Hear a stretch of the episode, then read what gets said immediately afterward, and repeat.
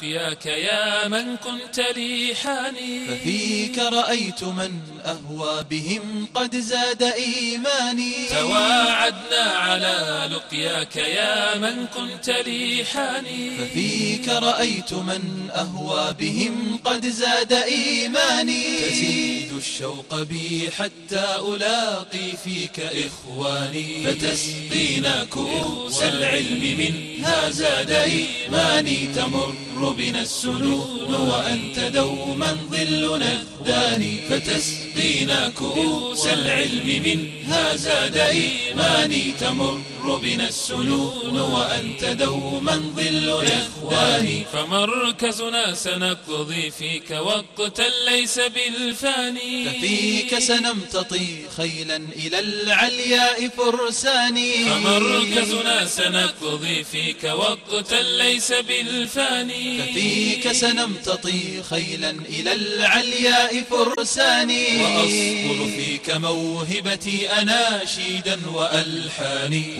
تكسبني مهارات تزيد بخطوتي شاني وطاقاتي أفجرها بجو الحب روحاني وتكسبني مهارات تزيد بخطوتي بسم الله الرحمن الرحيم الحمد لله رب العالمين وصل اللهم على النبي محمد وعلى آله وصحبه وسلم اللهم وفقنا لما تحبه وترضاه wbacd fasalaam allahi calaykum waraxmatuh wbarakaatuh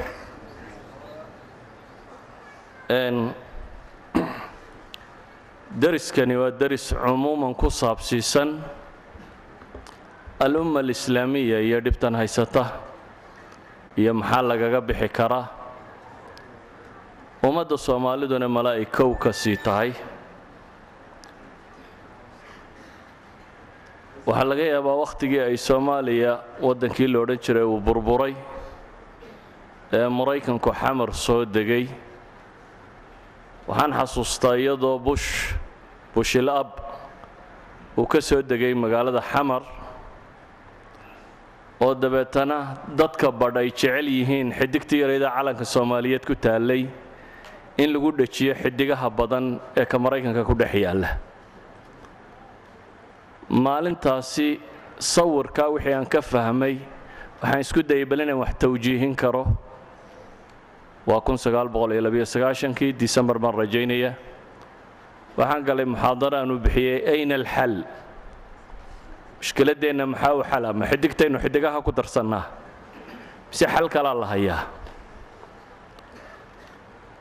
waxaad mooddaa toddobiyo toban sano siddeed iyo toban sano kadibna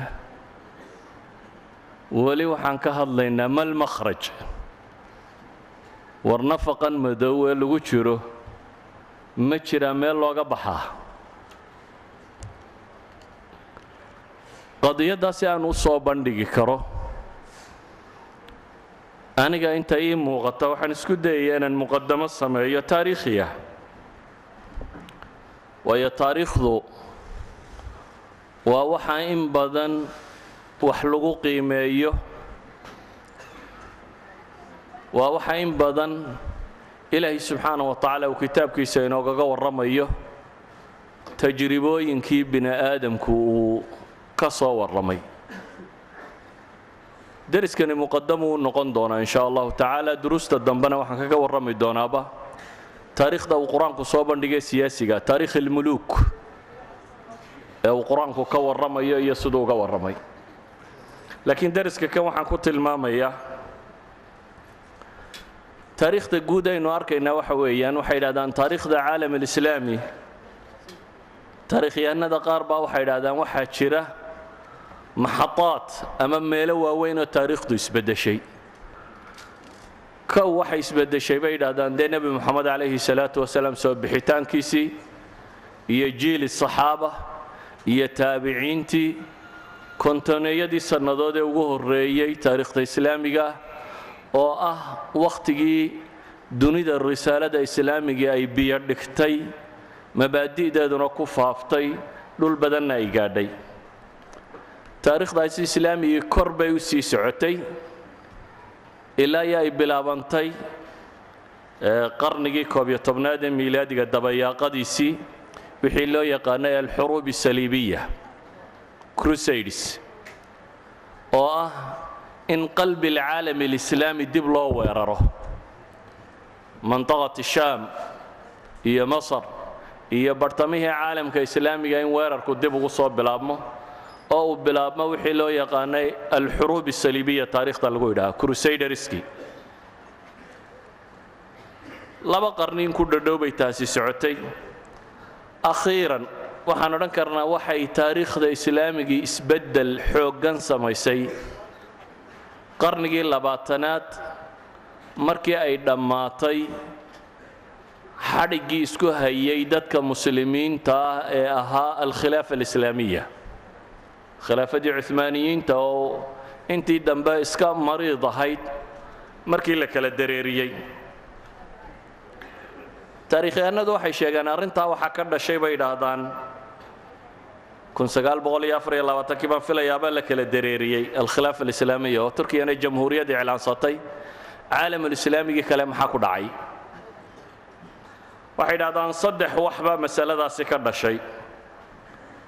Kow waxaa muuqday dibudhaca uu ku jiro caalamka islaamigii marka la eego horumarka maadiga ee dunida kale ay samaysay gaar ahaan ninka cad ama yurub horumar alculuum alxayaatiya ama maadiyo tiro badan baa laga sameeyey.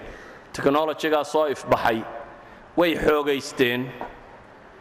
Muslimiintana waxaa muuqatay cawradoodii oo ah qarniyo inay hurdeen.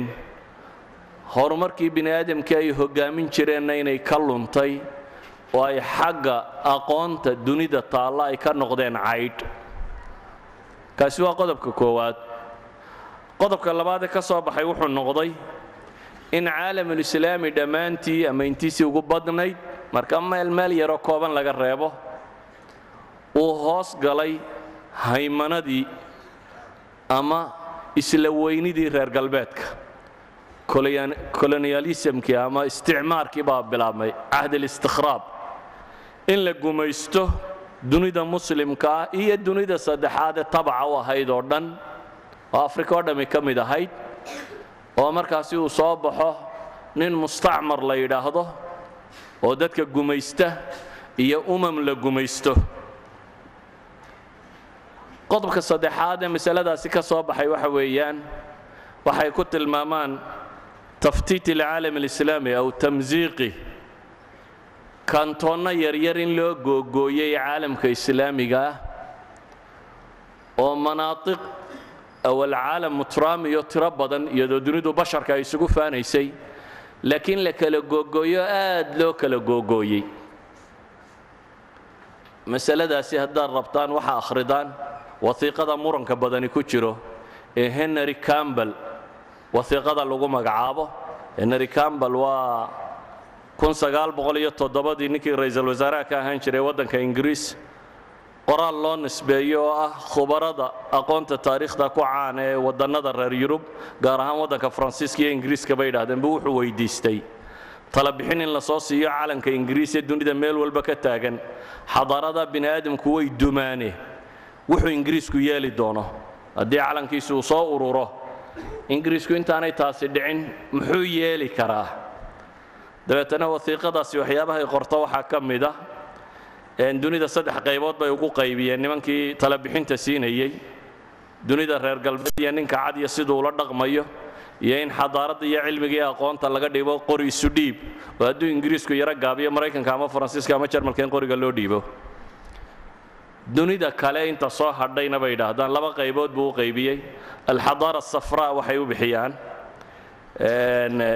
Yalow biibulka ama xadaaradda yalowga ah waa indhayarka iyo eeshiye iyo dadkaasi oo dhan. Iyaga waxay idhahdeen values ama qiyam la loolama qiyamka ingiriis ma lehe. Eh ee reer galbeedka qiyamkiise waxaynu ku wada dhaqannaa masaalix ha noqoto. Wixii masaalix inoogu jirtana ha la ogolaado wixii kalena ha la diido. Almandaqat alkhadaraa bay idhaahdeen. Qaybta cagaaran oo caalamulislaami wasiiqadaa waxay u nisbaynayeen inay sheegayso dhowr shay inuu kula dhaqmo. Kow in aqoonta laga ilaaliyo ama macrifada in xuduud loo yeelo aqoon waxa gaadhi kara. Siiba technology inaanu gaadhin. Laba waxay tilmaameen aqaliyaadka ku hoos nool in kor loo soo qaado minority groupiska. Si homogeneous aanu noqon karin ama bulsho mutajaanisoo wada socota aanay noqon karin. Saddex bay idhaahdeen khilaafaadka xuduudiga in la badiyo qoladan gobol yar ka jar gobolkaa kale ku dar kuwa qaar yar ka jar. Waxa xariiq maanta dunidu isku haya ingiriis baa dhigay. Waddanba qabaa'il waa isku qabiilah ayuu ina dowlad heblaayo ku dara ina dowlad heblaayo ku daro. Si laysu hayo uun ilaa inta qiyaamo ku dhacayo. Isaga aragtidiisa calaa kulli xaal taftiit alcaalam alislaami halkan waxaynu uga jeednaa un khilaafadda islaamigii markay duntay wixii soo baxay saddex qodob buu noqday. Kow inay muuqatay dibudhaca haysta caalamka islaamiga marka laga eego xagga aqoonta. Laba inay caalamulislaami uu hoos galay gacanta gumaysiga. Saddex in loo kala jaray caalamulislaami gobollo yaryar iyo tuulooyin yaryar iyo waddanno yaryar oo dhowr dhowr boqoloo kun iyo milyan iyo waxa umamka dunida saddexaad ku nool oo ay ka mid yihiin caalamulislaami waxaa ka bilaabantay markaasi fikrad cusub. Fikraddaas iyana waxay idhaahdaan saddex qodob oo saddexdaa qodob ka soo horjeeda bay ku salaysnayd inta aynan ka warramin atyaafta siyaasiga ama kooxaha kala gedisane siyaasiga fikradda tan xambaaray. Fikraddaasi waxay ku salaysnayd bay idhaahdaan kow altaxriir aw alxorriya gobonnimo doon in dadku wada bilaabo. Gaalya muslimba wixii la gumaystay inay raadiyaan xorriyad iyo taladoodu inay gacantooda dib ugu soo noqoto oo gobonnimo doon uu ka wada bilaabmo. Waxaa bilaabmay bay idhaahdeen masale labaad oo ay ku tilmaamaan annahda wataqadum waddannadaas la wada gumaystay waxay qireen ama qaateen inay xagga waxbarashada iyo aqoonta iyo technolojiga dib ugu dhaceen. Dabeetana in la bilaabo waxbarasho iyo horumar in la bilaabi karo oo tacliimka waxa la yidhaahdo xoog in la wada saaro. Qodobka saddexaad ee bilaabmay waxa weeyaan bay idhaahdeen alwaxda halkii la kala googooyey dadku inay isdoondoontaan iniba si ay isu raaci karto oo midnimo dib loogu abuuro. Idan waxay idhaahdaan mashaakilku suura waaxida buu ahaa oo ah dibudhac aqoomeed googooyn gobollada la kala googooyey iyo isticmaar gumaysi la gumaystay. Dunida saddexaad waxay u kacday markaasi oo uu ka mid yahay caalamulislaami inay xorriyad raadiso iyo inay aqoon dhisto iyo in midnimo la raadiyo waxay yidhaahdaan marka qodobkaa la joogo waxaanoo dhamme waxaan rabaa waxaan u socda inaan muqadamo u yeelo. Waxay dhahdaan qodobkaa marka la joogo tashkhiisu daa xanuunka in la sifeeyo dadku inta badani waa isku waafaqday. Inuu xanuunku yahay gumaysiga inuu yahay aqoondarrada inuu yahay kala googo'a waxaad mooddaa in xanuunkaa sidii loo sifeynayay la isku wada waafaqay inta badan dawadiisana si guud in la ysugu waafaqay. Waa in xorriyad la raadiyo iyo gobonnimo. In midnimo la raadceeyo iyo in horumar la raadceeyo. Laakiin bulshadii dunida saddexaad ku nooleed siiba bulshada islaamigii waxay ahaayeen kooxo siyaasiya oo kale afkaar gadisan baa waxaa xambaarsanaa kooxo qowmiyiina baa jiray nationalista. Kooxo yasaariyiina baa jiray communism ama socialism ama ishtiraakiyo ama afkaartii reer bariga rumaysan. Kooxo islaamiyiina baa jiray dad culamo oo muslimiin ah iyo ururo islaamiya iyo dad muslimiina xornimo doonkii ka qayb galay ilaa iyo haddana soo jiray. Kooxahaasi afkaartaasi guud waa la ysku raacsan yahay. Laakiin maxaa see loo fasirayaa maalan waxda midnimo see loo fasirayaa maalan kooxihii qowmiyiinta ahaa waxay rumaysnaayeen basharku inuu qowmiyad qowmiyad isu raaco. Alqawmiya alcarabiya oo kale alqawmiya asoomaaliya oo kale. Maalan soomaalida dadkeedii nationalistka ahaa ee xornimo doonka ahaa waxay rumaysanaayeen wax la yidhaahdo asoomaali alkubra soomaalida weyn. Oo ay u arkayeen qoomiyad isku afa oo isku luqada oo isku dhaqana oo isku hiddaah oo isku diina oo israaci karta oo xornimo wada qaadan karta in la wada raadaceeyo waxay rumaysnaayeen in horumar la sameeyo siiba horumar cilmiya. Dabeetana waxaa bilaabmay schooling systemkii iyo waxbarashadii iyo rag qowmiyiinoo soomaaliyeed bay hayeen wixii bilaabay. In iskuulla la furo in tacliin la furo in wax la barto aqoonta dadka in kor loo qaado. Waxay rumaysnaayeen in la xoroobo oo ummaddu dhaqaalaheeda siyaasaddeeda diinteeda caqiidadeeda waxeedaba ay xor u noqoto oo mustacmarka la saaro qoladii gobonnimo doonka hore ahayd ama dowladnimada dhalisay ama fikraddoodu taasay ahayd. Qoladii inqilaabtay even haddaan nimaadno kacaankii. Kacaanku scientific socialism wuxuu u bixiyuu qaatay. Aragtidiisa dambe markaynu ka nimaadno saddexdan qaybood isna waa rumaysanaa uun. Qaabku u fuliyey ha dambayso laakiin in soomaali weyn la raadiyo dee dagaalaabuu u galay waa u halgamay soomaali weyn buu raadacaynayey waxbarasho iyo cilmi in kor loo qaado af soomaaliguu qoray jaamacaduu furay iskuulluu badiyey cahdigiisii wax badan buu ka geystay. Oo horumar buu raadinayey in la xoroobo isagu wuxuu arkay reer galbeedka iyo kuwa in laga xoroobo shuuciyadda lala xidho oo aragtidaa la qaato. Islaamiyiintu hadday tahay culammadii soomaaliyeed ee u soo halgantay xornimada ummadda tan ama u soo dagaalantay ama ururadii islaamiga ee wakhtiyadaa hore dhashay waxoo dhamme waxay raadcaynayeen in isticmaarka la yska kiciyo. Iyaga aragtidoodu in badan waxay u janjeedhay xagga midnimadu inay dowla islaamiya ama khilaafa islaamiya ama caalamulislaami in lagu xidhmo oo dib loo soo celiyo oo waxadinimadu way ka weynayd iyagu aragtiday arkayeen. Inta soomaalida ah marka la eego waxbarasho iyo horumar iyo kan madaaris cilmiya iyo kuwa sharci iyo kuwan bay wadeen iyagoo rabay ummadan jahliga laga saaro. Waxay u arkayeen xorriyadda rasmigii inay tahay basharka in laga xoroobo oo ilaahay oo qura addoomma loo noqdo. Caqiidatu tawxiid la dhiso sharciga islaamiga la raaco.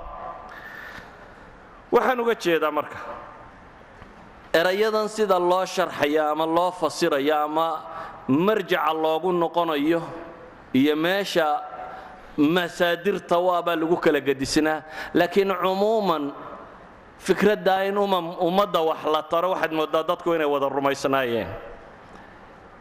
Wakhtiyadan dambe waxaa iska badatay aragtida mu'aamaraadka inta badan lagu saleeyo. Aanu waxaan odhan karaa dad badan oo dadkaa ka tirsanaa. Waxaan u arkayaa inay ahaayeen dad nowcun maa daacad ahaa. Laakiin daacadnimo waddadoo aanay sax ahayni dee meel ma gaadho daabad mabaadi'daada daacad u tahay laakiin aanay ahayn kuwo ku salaysan wax rasmiya kufkufkaa iska tiro bata. Ma wada odhan karo dadkaasoo dhammi dabadhilif bay ahaayeenoo gaal bay ku xidhnaayeen kan bay ma wada odhan karno. Waa aragtay qaldantaasi bay ila tahay. Dad badanoo xor fikrad saxa wataa jiray laakiin waxaan odhan karaa meelaha afkaarta laga soo qaadanaya ama lagu tiirsanaa ama waxa kan ay ka soo burqanayeen ayaa dad badan maraajicdooda qaldanayd ninka scientific. Maxaa scientific socialism ku tiirsanaa waxaan garan karaa in masaadirtiisa iyo maraajicdiisu ay aad u qaldanayd. Hadda wakhtiga kan. Xataa cilaajkii mushkilaadkii koowaad ee markii hore adyaafta siyaasiga kala gedisnayd kii nationalistka ahaa ee qowmiga ahaa kii socialistka ahaa kii islaamiga ahaa wixii ay markaa isku waafaqsanayeen ama isku meesha ka arkayeen iminka waxaad mooddaa inaanay isku meel mala laga arkaynin. Su'aashaan isweydiinaynaa waxay tahay. War soomaalidu afkaartaasoo dhan haddaynu hoos u dhaadhacnay iyagu miyay ka wada tanaasuleen hadda fikradda jirta caalamka soomaaliyeed waxay u badan tahay ama caalamulislaami in la sii kala gogo'o la sii yaraado la sii yaraado la sii yaraado ay u badan tahay in kor loo koro uma badna. Dunidu kor bay u koraysaa sax. Dunidu qowmiyaadkii yaryaraa xataa ay nationalistka ah bay ka baxaysaa oo qowmiyo ka weyn bay ku sii socotaa. Waayo dunidu waxay fahamtay maanta germany iyo ingiriis iyo faransiis iyo talyaani oo kale qowmiyaad ah haddana waxay dareemeen masaalixdooda iyo danahooda caalamiga inaanay ilaalin karaynin dowladine keligeed iyagoo lacag loo dhaqaalo loo kan leh waxay u arkeen aragti ah nawcun ma inay yurubta weyn sameeyaan. oo qowmiyaad kale noocoo kale afoo kale waxa ay ku jiraan. Si ay u ilaashadaan masaalixdooda guud ee uu ninka cadi wadaago ama ay leeyihiin. Caalamulislaami laakiin weli wuxuu u sii socdaa xagga kale. Gaar ahaan soomaalidu waxay u sii socotaa in la sii yaraado. Waxa kaa la mida waagii hore fikradda taale waxay ahayd in la xoroobo. Oo dadku dhaqaalahooda siyaasadooda caqiidadooda mabaadi'dooda wuxooda ay xor u noqdaan.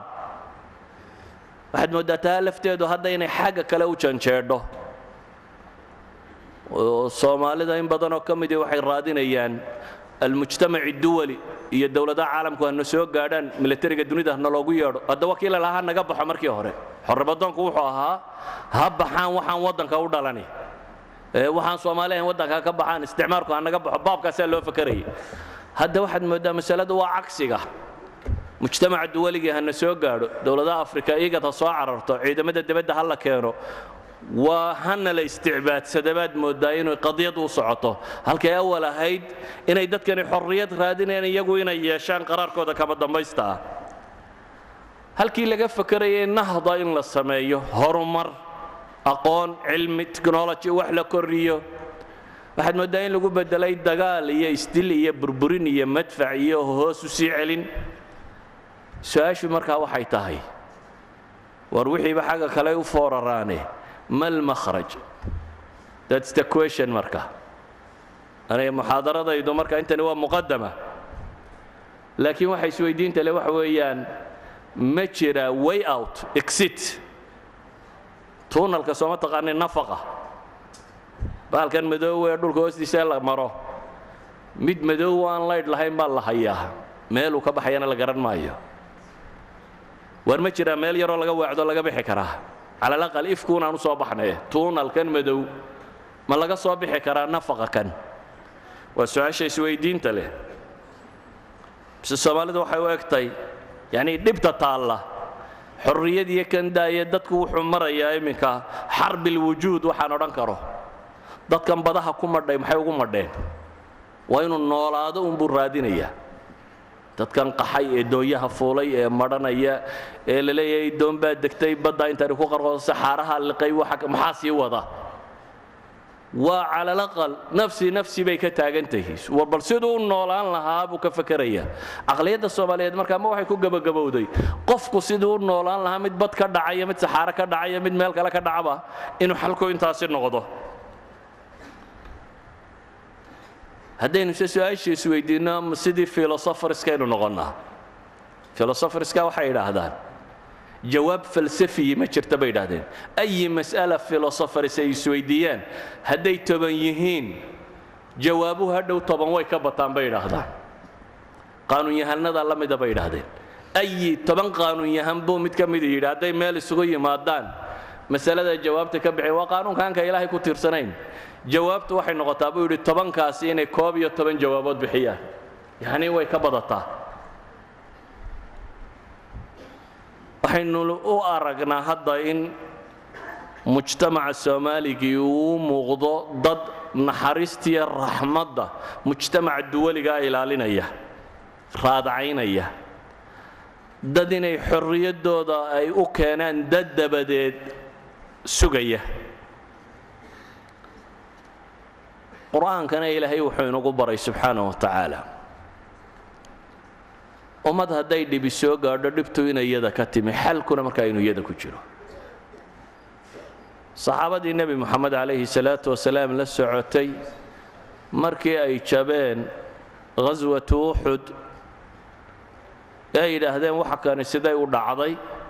Qul huwa min cindi anfusikum baa loogu jawaabay lama odhan quraysh baa idinka taagti ka badnayd waa idinka xoog badnayd waa idinka xoolo badnayd waa idinka rag badnayd lama odhanin. Khaalid baa idin khiyaamayo meel kale ka soo baxay trikska laydinku dhigay ayaa tiraba waxaa lama odhanin. Waxaa la yidhi qul huwa min cindi anfusikum. Haddii ay jiraan maanta dowlado dabadeed oo faragelin xooggan waddanka ku haya ama ummadda soomaaliyeed ku haya haddii ay jiraan mujtamac duwaliya oo qadiyadda soomaaliyeed ku xoogsanaya haddii ay jiraan la yaabi maayo waayo waa dad dantooda raacanaya. Qofka bini aadamka ee dantiisa isagu wuxuu maslaxa u arka raacanaya. Ceeb maaha. Cadaalad maaha idin maan odhan ceeb maaha marka dhaqanka umamka lagu eegayo. Idan lama yaabayo inuu raadceeyo laakiin waxaa ceebtu tahay qofka isagu dulman ee cid kale naxariisun ka sugaya aan garanaynin si uu xalkiisa u raadsado haddaba waxaan leenahay atyaafta siyaasiga ee xaldoonkaa maanta waxaa ka mid ah kuwa kale ka hadli maayo. Waxaa ka mid ah kuwa islaamiyiinta ama kuwa u nisbo sheeganaya le annaga marjac iyaga iyo meeshaanu u noqonaynaa waa kitaab iyo sunne mashkilaadka ka jira caalamka islaamiga ama soomaaliyeed xal baanu u haynaa. Qaarkood marakis ilqiyaada bay soo gaadheenba. Meelihii wax laga tawjiihinayay ama wax laga maamulayay ama wax laga wada bay soo gaadheen. Waxaan odhan karnaa maanta iyaga ah cala almaxak malaa aad hore looguma tijaabine hadday tijaabo weyn saaran yihiin. Dadka badh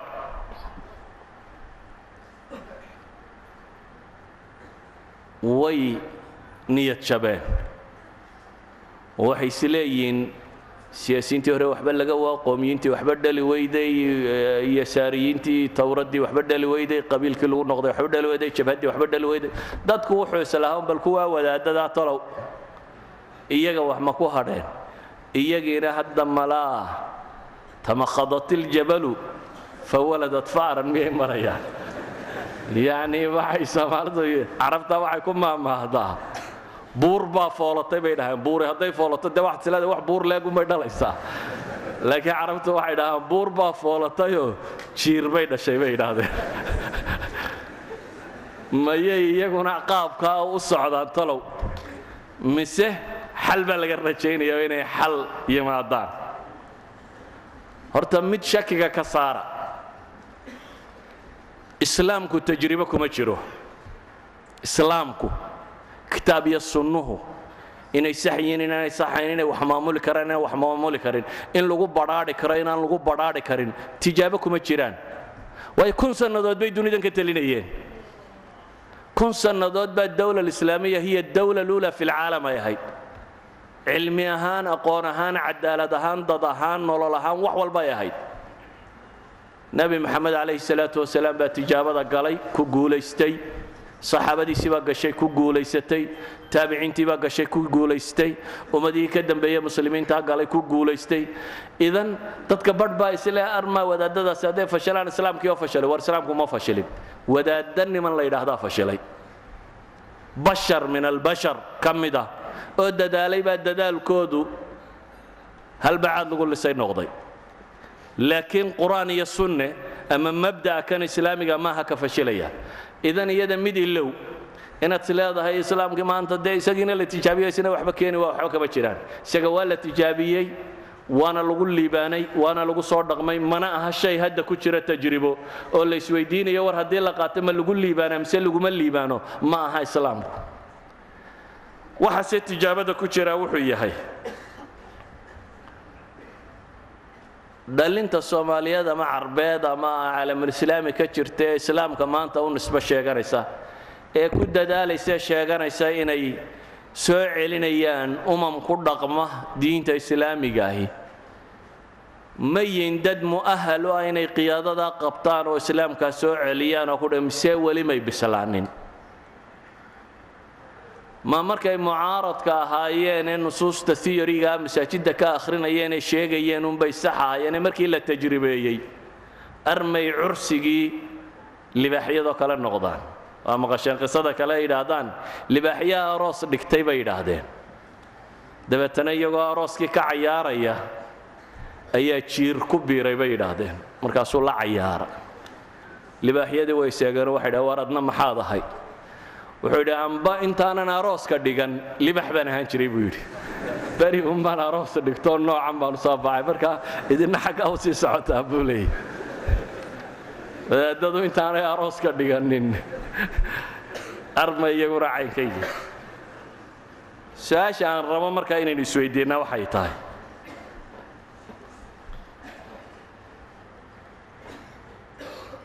Islaamku tajribo kuma jiro laakiin wadaadkaa tajribada ku jira. Su'aashu waxay tahay meeshan la taaganya hadda haddaba xal ma la hayaa meel laga baxaa ma jirtaa ma lmakhraj kollay sheekh maxamed oo dhinacayga fadhiya haddaan weydiiyo ma lmakhraj dee waa xaafido wuxuunba odhan doonaa waman yattaqi illaha yajcal lahu makhraja wayarzuqu min xaytu laa yaxtasib ninkii ilaahay ka cabsado subxaana wa tacaala ilaahay baa wuxuu u furaa makhraj. Su'aashii markaa waxay tii kayfa nattaqi illaah waxa la wuxuu yahay waar waxa kan xalma loo hayaa. Kollay dadku waa muslimo waxay odhan doonaan nacam alkitaabu wasunna xal waa loo hayaa oo waxa weeyaan maxay? Waa kitaabka qur'aanka iyo sunnada nebiga calayhi salaatu wasalaam laakiin waxaynu leenahay waxaynu u baahannahay. Waa jawaab mujmala waa sax jawaabtii sax weeyaan taasaan rumaysnay. Makhrajku inuu yahay waman yattaqi illaha yajcal lahu makhraja wayarzuqu min xaysu laa yaxtasib makhrajku inuu yahay xal kasta oo mushkilad kasta oo dunida tan timaada alkitaaba wasunna inay xalkii u yihiin. Laakiin su'aasha isweydiinta leh u baahan inaynu isla egna waxa weeyaan sidaynu jawaabta uga hellaa haddaba kitaabkiiyo sunnaha kitaabkiiyo sunna way qoran yihiin. Innagaa laynooga baahaya inaynu dadaallo o ijtihaadno ka keenno jawaabtii saxa ku ahayd kay tahay. Eray kale haddaan isticmaale waxaan leeyahay sidee baynu u tabiqi karnaa nolosheenna waaqicigaa u gaadhsiin karnaa inaynu nadariyo ka baxno oo tabiiq camaliya tagno. Yacni shaygu marna waa theory waa aragti. Marna waa wax practical loo bedelayo nolosha nolol maalmeedka. Siyaasadeed dhaqaaleed ijtimaaceed la rabo in lagu maamulo. Sidee baynu ugu bedeli karaynaa ugu horrayn culimmadu waxay dhahdeen masalada wixii cilmi ku saabsan nihaayat lcilmi bay yidhahdeen atawxiid oo isagu bay yidhahdaan laa yatabacad. Tawxiidku iyo caqiido saxa inaynu hellaa iyagu inaynu kitaabkiyo sunna akhrino oo baranno caqaa'iddu waa wax qofka maskaxdiisa dega iyo qalbigiisa. Qofna lama xukumo. Qof kastaba si rasmi u tabiqi karaa caqiidada dhammaanteed. Waxay idhahdaan nihaayat lcamalkuna waa attaqwa. Camalka practicalka shaqada ee la qabtaa taqwu ku gebagabaysmaa laakiin taqwada waxaa la yidhaahdaa bay yidhahdeen waxay ku dhisantahy mabniyatun cala alistiطaacati wاlqudra inta la awoodo islaamkaoo dhammi qof walba waajib kuma ahe qof walba intuu awoodaabaa islaamka waajib kaga ah inbaa qofka islaamka ka saaran ilahay wuxuu ina leeyahy faاtaquu اllaha ma اstaطactum laa yukallifu اllahu nafsan ila wuscaha laa yukallifu allahu nafsan ilaa maa aataaha qofna ilaahay subxaana wa tacaala ma kallifin baa la yidhi intuu awoodo mooyaane intii la siiyey mooyaane ilaahay ka cabsaa lagu yidhi intaad kari karto waxaan u baahnay markaa inaynu dhowr masalo eegno islaamka qaybaha qaar nusuustaa ku badan ijtihaadkuna wuu ku yaryey ama maba jiraba. Qofka kitaabka iyo sunnaha si fiican u akhriyaana masaa'ilkaasi si fudud buu u fahmi karaa. Waa masaa'ilka caqaa'idka ku saabsan. Caqiidadu war nin uma baahna. Qur'aan iyo xadiid baa loo hayaa masale kasta. Waana wax qalbiga bini aadamka gala. Cibaadaadku inta ugu badan war nin uma baahna salaadda waxaa laga yaabaa far la taagayo nusuus baa la hayaa. In meesha afarta la taagaya inaan la taagaynin xadiis baa soo arooray. Nusuustaa ku tiro badan ijtihaadaadku waa wax yar haddaabay jiraan. Masaa'ilka bay yidhahdeen akhlaaqiyaadka ahi ijtihaadiyana inta badan uma baahan nusuustaa ku badan. Abwaabtaasi marka la joogo nusuustu aad bay u tiro badan tahay. Abwaabta bay yidhahdaan see mucaamalaadka ku saabsan nolol maalmeedka caadiga ee dhaqaale leh siyaasad leh bulsho leh ijtimaac leh cilmi leh nooca kan leh. Nusuusta abwaabtaa ku soo aroortay way koobantay way ka koobantay ta kale. Waxaa ku badan ijtihaadka iyo baadidoonkeeda haddaba waxaan rabaa nebi moxamed calayhi salaatu wasalaam iyo saxaabadiisu si fudud bay ugu dhaqmeen oo u fuliyeen innaguna mar kasta waxaynu nidhaahnaa waxaynu u baahnay kitaabkiiyo qur'aanka inaynu qaadanno si aynu u fahmnana calaa manhaji salafi saalix. Ummaddii hore muslimiinta ee wanaagsanayd ee saxaabo lahayd ee taabiciin lahayd ee ragga raggaa lahayd sida ay ugu dhaqmeen unaan ugu dhaqanno. Waxaan se rabaa inaan masale idiin sharxo. Waa maxay faraqa u dhaxeeya wadaadka maanta nool iyo saxaabigii nebi moxamed calayhi salaatu wasalaam uu soo saaray waa maxay faraqa u dhaxeeya madrasadii nebi moxamed calayhi salaatu wasalaam uu dadka ku tarbiyeeyey iyo madaarista maanta joogtaa qaabkay u tarbiyayso ma ka warramayo nebi moxamed de inuu ilaahay doortay calayhi salaatu wasalaam uu rasuul ah oo dee diintaba kii lagu soo dejiyey u ahaa. Masaladaasi kama warramayo. Waxaan ka warramayaa mas'ale ah. Madrasadii nebi moxamed calayhi salaatu wasalaam waxay ahayd madraso tabiiqiya oo waaqiciya ama nolosha lagu dabaqo oo ku jaan go'an wakhtigii uu noolaa iyo mushkilaadkii yaallay. Taasi waxay keensatay. Nebi moxamed calayhi salaatu wasalaam wuxuu soo saaray qaada. Eraygaa u fiirso? Nebi moxamed calayhi salaatu wasalaam wuxuu soo saaray qaada. Qaadada soo ma taqaaniin hogaamiyayaal. Saxaabada nin waliba halkiisuu hogaamiye ka ahaa. Dad mansile hogaamiye wada gaadhsiisan buu soo saaray. Nebi moxamed muu soo saarin calayhi salaatu wasalaam arday shahaadada sidato doctor iyo magister iyo ijaaso iyo waxaasi tama soo saarin. Innaga madaaristeenna waxay soo saaraan dakaatiro iyo shuyuukh iyo wixii la mid ah mal farq maxaa u dhexeeya faraq weyn baa u dhexeeya nebi moxamed calayhi salaatu wasalaam qur'aanki iyo xadiidku waxay ku soo degayeen labaatan iyo saddex sannadood. Madrasadaasi waxay socotay oo lagaga takharujay saddex iyo labaatan sannadood saxaabadu saddex iyo labaatankaa sannadoodba waxay ku jireen tababar tadriib camaliya. Hadday caqiido tahay hadday siyaasad tahay hadday iqtisaad tahay hadday ijtimaac tahay hadday nusuusta si practicala bay u fulinayeen ay ula dhaqmayeen. Noloshii ay ku noolaayeen ama bulshooyinka ay la noolaayeen si fiican bay u fahamsanaayeen oo iyagaaba ka yimi. Waxay ahaayeen dad ah job trained shaqaa lagu tababaray. Ilaa iyo ay takharujeen. Innagase wadaadku masaajid buu fadhiyaa. Qur'aankuu kala furaa musxafka ama bukhaari buu akhrinaya. Hadday waxaasi dhacaan nebigu saasaa ku dhacday saayo saasuu yidhi caynkaasuu yidhi caynkaasuu yidhi caynkaasuu yidhi. Nadariyaa la akhrinayaa theory nadariyaad baa madaxaaga gelaya. Laakiin waaqaca markaad la tagto sidaad u dabiqi lahayd mas'alo kale weeyaan. Waxaynu isweydiinaynaa maxaa nebi moxamed calayhi salaatu wasalaam maa kitaabka iyo sunnadoo kuusan mar loo dhiibo? Oo uu dabeetana masaajidka la fadhiisto? Oo uu dabeetana dadka u sharxo? Sow sharxiisu kama fiicnaadeen keenna haddii kitaabka qur'aan oo isku dhan nebiga inta loo soo dhiibo calayhi salaatu wasalaam wukaamada la fadhiisto u dabeetana sharxo oo uu dadka u dhigo si fiican bay dadku u fahmi lahaayeen. Ilaahay subxaana wa tacaala sidaasi ma doorannin.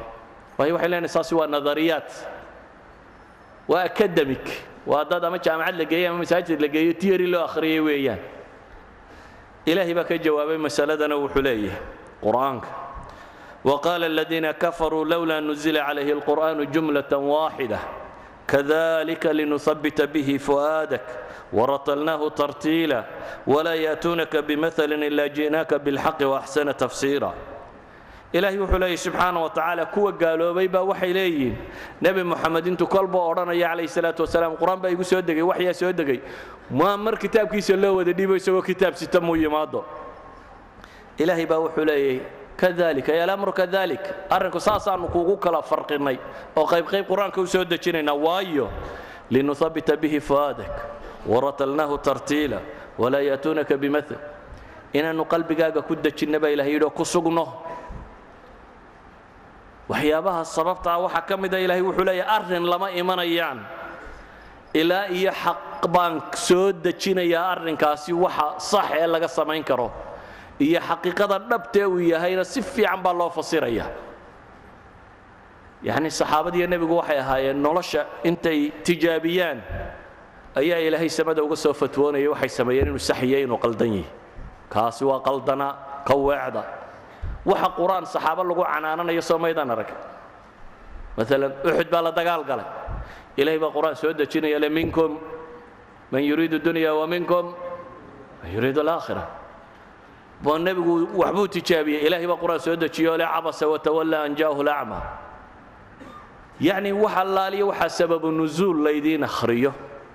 Ama sababu wuruudi alxadiid sababu iiraad alxadiid maaha. Sababu wuruudi alxadiid culamada waxay sheegaan xadiidka midna waa ninka wariye ee xadiidka warinayey sababtii ku kaliftay inuu sheego inta badan dhacdooyin baa dhacayey dhacdadani markay dhacdo saxaabigani xadiidka sheegayey midna waa xadiidku sababtu ku yimi oo ah nebi moxamed calayhi salaatu wasalaam sababtii ku kaliftay inuu warka kan sheego. Waxaa sababu wuruud alxadiid ah ama asbaabi nuzuulka qur'aanka ku soo aroora uu qur'aanku ku yimi oo dhammi waa dhacdooyin nololeed oo practical oo jawaab laga bixinayo saxaabadu nebi moxamed markaa waxay la noolaayeen calayhi salaatu wasalaam. Isagoo dhib ku jira iyo isagoo badhaadhaysan isagoo dagaal ku jira iyo isagoo nabad ku jira isagoo heshiisyo gelaya isagoo tamar yar isagoo xoogaystay isagoo laga xoog badan yahay waxaasoo dhan oo nolol practicala bay galeen. Dabeetana mashkilad kastoo timi ilaahay baa ka jawaabaya yasaluunaka can lalahaa qul qul illaahu yuftiikum baa lalahaa allah ka fatwoonayey dhibaatooyinkan dhacday iyo waxay tahay. Taa macnaheedu waxa weeyaan saxaabada waxaa lagu tarengareeyey inay fahmaan maxaa caqiidaa maxaa siyaaso ah. Maalan markaan leeyahay maxaa caqiidaa maxaa siyaaso ah? Caqaa'iddu waa ideology lagama dhaqaaqo isbeddel kuma dhaco. Qadaayaadka siyaasigii laakiin musaawama bay aqbalaan.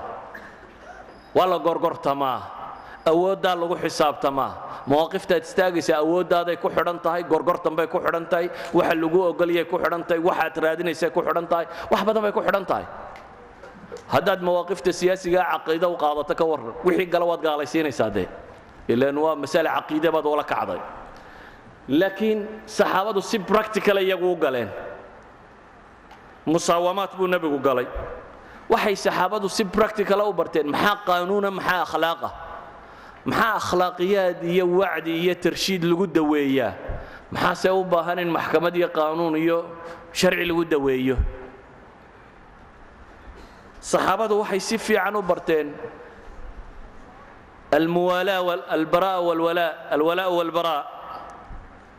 maxaa caqiide oo laysku jaraya? Maxaa musaawamo aqbali kara? Waxaan leenahay masaa'ilkan markaynu tilmaamayno waxay ahaayeen dad shaqo galay. Dabeetana shaqo kastoo ay qabteen wixii ka saxaya wixii ka qaldanaa ilaahay uu sheegay. Shaqooyinkay qabanayeen oo dhan baa ilaahay wuxuu sheegay. Intaana waa qaldanaydeen markan waad saxsanaydeen tijaabada waa ku guulaysateen taasi sax may ahayn waddadayna ka weecataan bay ahayd waxaa laydinma ogola nolol caadiya bay ku jireen. Walidaalik saxaabadu may ahayn ardo iskuul dhigata may ahayn dhaliyo bogsito nusuusuun qoro oo tiyari loo ururiyo may ahayn. Taasi waxay sababtay markay soo baxeen inay noqdaan dad qaada ah. Waayo ninkani xaqiiqooyinkan wuu soo taagnaa. Maalan sulxulxudaybiya sulxulxudaybiya waxay soo taagnaayeen masaa'il iyaga ku adkayd marka kan oo ay malaa caqaa'idba moodi karayeen oo nebigu musaawamaad siyaasiya ka dhigay sulxudaybiya heshiiska waa wada garanaysaa wuxuu nebigu la galay calayh salaatu wasalaam. Ilaa iyo xad ay gaadhay inay magaca nebiga in lagu qoro waraqda heshiiskana ay diidaan. Waa wuxuu nebi maxamed kula heshiiyey may bay yidhahdeen nebinimada iyo rasuulka ay waxaa ka jooji. Magacaaga ku qoro. Bismi illaahi raxmaan raxiim qora buu yidha waxay dhahdeen may raxmaanka iyo raxiimka garan mayno. Bismika allaahuma ku qoro. Magaca alle intaasumaan anoo garanaynaa bay idhahdeen wuxuu arkayay masaa'ilkaasi musaawamaad siyaasiya inay tay wuxuu arkayay nebigu calayhi salaatu wasalaam isagoo heshiisyo gelaya ayay isa soo taagayeen. Muslim la cadaabayo toorjar ku jira. Oo uu nebigu aqbalay inuu heshiiska galay. Kana uu yidhi warde anugu heshiis baan ku jiraaye sabir oo ilaahay tala saaro. Yani markuu sulxu xudaybiya nebigu heshiiska nimanka la galay ama jandal baa isa soo taago silsilada ku xidhan oo la toorjargarayo soo baxsaday nin xabsi ka soo baxsaday oo silsiladaysan oo dhibaata haysataa taagan isbir waxtasib buu nebigu ku yidhi. Sabir oo xisaabso. Ilaahay dartii u xisaabso anugu baan galeen waxay saxaabadu joogeen iyadoo dagaal ay ku jiraan oo haddana saxaabada qaar ka mid ay heshiis galeen oo nebigu yidhi heshiiskooda u fuliya. Maalan ghaswatu badar markay dhacaysay xadiiskii saxiixu muslimku muxuu sheegayey xudayfa bnulyamaan iyo aabbihii oo wada socda oo muhaajiriinoo soo socday quraysh qabatay. Markaasaa la yidhi xagga ku socotaan. Markaasay idhahdeen madiina yarib markaasaa la yidhi kuma socotaane nebi maxamed baa ku socotaan. Yacni ciidankan aanu isaynaa gelaysaan. Kuma soconno bay dhahen magaaladaanu iska gelaynaa waxaa lagu yidhi heshiisna la gala. Heshiis bay la galeen. Heshiisku muxuu yahay nebi maxamed iyo ciidankiisa calayh salaatu wasalaam inaydan u soo helinin oo soo raacaynin nimankaa waa isgelaynaaye labadiinnaasi waa idin sii deynaynaa si aynaydan gelaynin waa la galeenoo waa la sii daayey hadhow bay nebiga u yimaadeen waxay dhahdeen ilaahay rasuulkiisiiyo nimanka quraysheed waana qabteen heshiisna waxaannu ku soo gallay. Inaanan dagaalkaa kaala qayb gelin. Maxaa tala ah waa nebi maxamed wakhti uu u baahnaa calayhi salaatu wasalaam rag laga tiro badnaa sax boqol oo nin uu wato kun ciidan ay xagga kala joogaan. Waa maalintuu ku ducaynayay nebi maxamed calayhi salaatu wasalaam ilaahayow haddaad kooxdaa yar halaagto dunida dib lagugu caabudi maayo. Kooxdaasi hadday halaagsanto ilaahu dunida dib lagugu caabudi maayo. Dagaal aanu ku talagelin baa qabsaday oo saxaabadii in badan ay joogto madiina oo aan la soo raacin. Haddana isagoo waxaasoo mas'alada nebiga haysata ay kaa tahay ayuu wuxuu ku yidhi nafii lahum cahdahum wanastaciinu allaha bihim.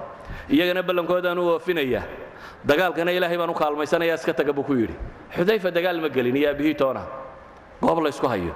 Yani waxaan uga jeedaa saxaabadu waxay noolaayeen nebi maxamed oo yuhuud heshiis la gelaya. Waxay noolaayeen nebi maxamed oo quraysh oo mushrikiina heshiis la gelaya. Waxay noolaayeen nebi maxamed oo duulimaad ku jira oo dagaal ku jira oo dagaalamaya waxay nebiga la noolaayeen calayhi salaatu wasalaam wakhti dagaal wakhti nabadgelyo wakhti heshiis wakhti laga xoog badayay wax walba. Sidaa daraaddeed wuxuu nebigu soo saaray calayhi salaatu wasalaam qaada wax lagu tilmaamo. Hogaamiyayaal markuu nebigu geeriyooday calayhi salaatu wasalaam ee ilaahay oofsaday abi bakar baa muslimiinta calanka u qaaday cumar baa ka daba qaaday cumaan baa ka daba qaaday cala ka daba qaaday raggii rag ahaabaa ka daba qaaday. Qaaradaha dunidao dhan bay furteen qaada bay haayeen. Maantase innagu waxaan joognaa casri islaamka nidaamka dowladnimo iyo nololeed oo dhan laga saaray. Oo la saaray ruufafka masaajidda iyo maktabadaha. Isagoo qoran baa waxa la dhigay halkan masaajidka gudihiisa iyo maktabaduhu kitaabka yaalla. Waxa aan soo saaraa jaamacadda ardayga gala ee maqaacid aljaamacaad ka soo baxa ama masaajidda wax ku dhigta ee masaajidda ka soo qalinjabiya wuxuu soo baxaa arday theory soo bartay nadariyaad soo bartay laakiin nolosha waaqiciga aan waxba ka aqoonin waa nadariyaat akademika waa theory cilmiya maaha theory fudud. Waa theory cilmiyuu soo bartay. Laakiin nolosha tajribo kuma leh. Ma tijaabin theoryga kan. Muu gaadhin xad waxyaabo badan oo uu u baahnaa inuu kala saaro uu kala saaro. Tusaalaan idin siinaya theoryga iyo practicalka aan sheegaya maxaa u dhexeeya? Labadan eray afgaaleedka aan sheegaya maxaa u dhexeeya? Maalan dhallinyaradayna dambe waxaa taqaaniin baan soo qabanaya kubadda cagtee la cayaaro tiim kubadda cageed baynu dhi baynu samaynaynaa. Dabeetana brofessor ku takhasusay kubadda cagtaynu keennay coach tababare. Caalamka ka ugu sarreeyana waa keenna brofessorka ugu sarreeya kubaddana waa keenna labaatan inanoo caafimaad qabo feedha waaweynna meel baynu ku xarayna dabeetana waa u akhrina alloo dhiga baynu nidhi laba sannadood bay ku akhrinayeen. Marna garoonka geeyaan oo liyaaqa badaniya iyo digdigtan la baraayo in jidhka la jejabiyo iyo si isu laba rogi lahaa. Marna kubadda iyo qaabka weerarka loo gala iyo qaabka difaaca loo galayo waa kan buu qodhay koojki tiimanka in la cayaarayna hadday tiimanka qaacidadka caynkaasa ku cayaaran yihiin. Ra'sul xarbaheennu waa mid afar dhexe afar dambe laba xaggana. Waka wixii buu sharxay wuxuu dhigay tiyariga kubadda lagu cayaaro oo dhan. Nimankaasi markay khubaro ku noqdeen ee bahasha liyaaqa badan iyo barteen ee wax wal barteen ayaynu waxaanu nidhi kaalay haddaba waxaad la cayaaraysaan oo doorkan waxaanu nidhi kaalay haddaba waxaad la cayaaraysaan oo doorkan laydinku tijaabinayaa inaad la cayaartaan baraaziil imisaad rajaynaysaa inay goolal ka dhaliyaan. Yacnii ninka kani tiyarigii buu sidaa garoonku soo galay. Imisaa tiyarigu maskaxdiisa ku xaadiraya markuu ninkaa ku soo baxo maya tuunal baad ka saartaa maxagaad kala imisuu ka fekeri karayaa baad u malaynaysaa. Mise intuu fekerayaaba kubadda laga qaadaya yacni kaan laakiin tiyarigaa badan loo akhrinin practical loo soo tarengareeyey ee tiimanka lagu soo tarengareeye la soo waday la soo waday. Qofka iyo qofkan theoryga loo dhigay marka nolosha dhabtaa la ysugu yimaado iyomaa wixiisu dhab yihiin. Yacni ninna wuxuu bartay wax practical ah. Si practicala loo traingareeyey ninna wuxuu hayaa maxay? Theory buu haystaa. Nadariyaad buu hayaa. Taa macnaheed waxa weeyaan aqoonta lagu qaato madaarista cilmiga ama jaamacaadka ama masaajidda ama waxaasi oo dhammi waa buxuud nadariya. Laakiin marka ay timaaddo in si practicala loo kala saaro waxyaabo badan. Alwalaa walbaraa markuu caqiidayey iyo bayn atasaamux watacaayush walmucaamalaat walmusaawamaat asiyaasiya waxaa marka la rabo in la kala saaro marka la rabo in la kala saaro waxyaabo badan oo nolosha tani ay u baahan tahay. Waa kala gedisantay waxaan leenahay qofku theoryga xataa hadduu istaycaabo uu sido practically markuu fulinayo wax badan maalan xadiidka burayda ee saxiixu muslim ku yaalla. Saxaabigaasi burayda wuxuu leeyay nebigu calayhi salaatu wasalaam markuu ciidan dirayo wuxuu fari jiray inuu nafiisana ilaahay uga cabsado subxaana wa tacaala muslimiintana caynkaa ula dhaqmo gaalada siduu la dhaqmo waxaasaa la farayay. Xadiidka waxaa ka mid a uu nebigu ku yidhi calayhi salaatu wasalaam amiirka uu dirayo idaa xaasarta ahla xisnin duul qalcad ama dhufays ku jira haddaad ka qabato maxay go'doomiso oo fa araaduuka an tunzilahum calaa xukmi illaah oo ay ku yidhaahdaan war waxaanu u soo dhaadhacaynaa ilaahay xukumkiisa. Waa isdhiibaynaa.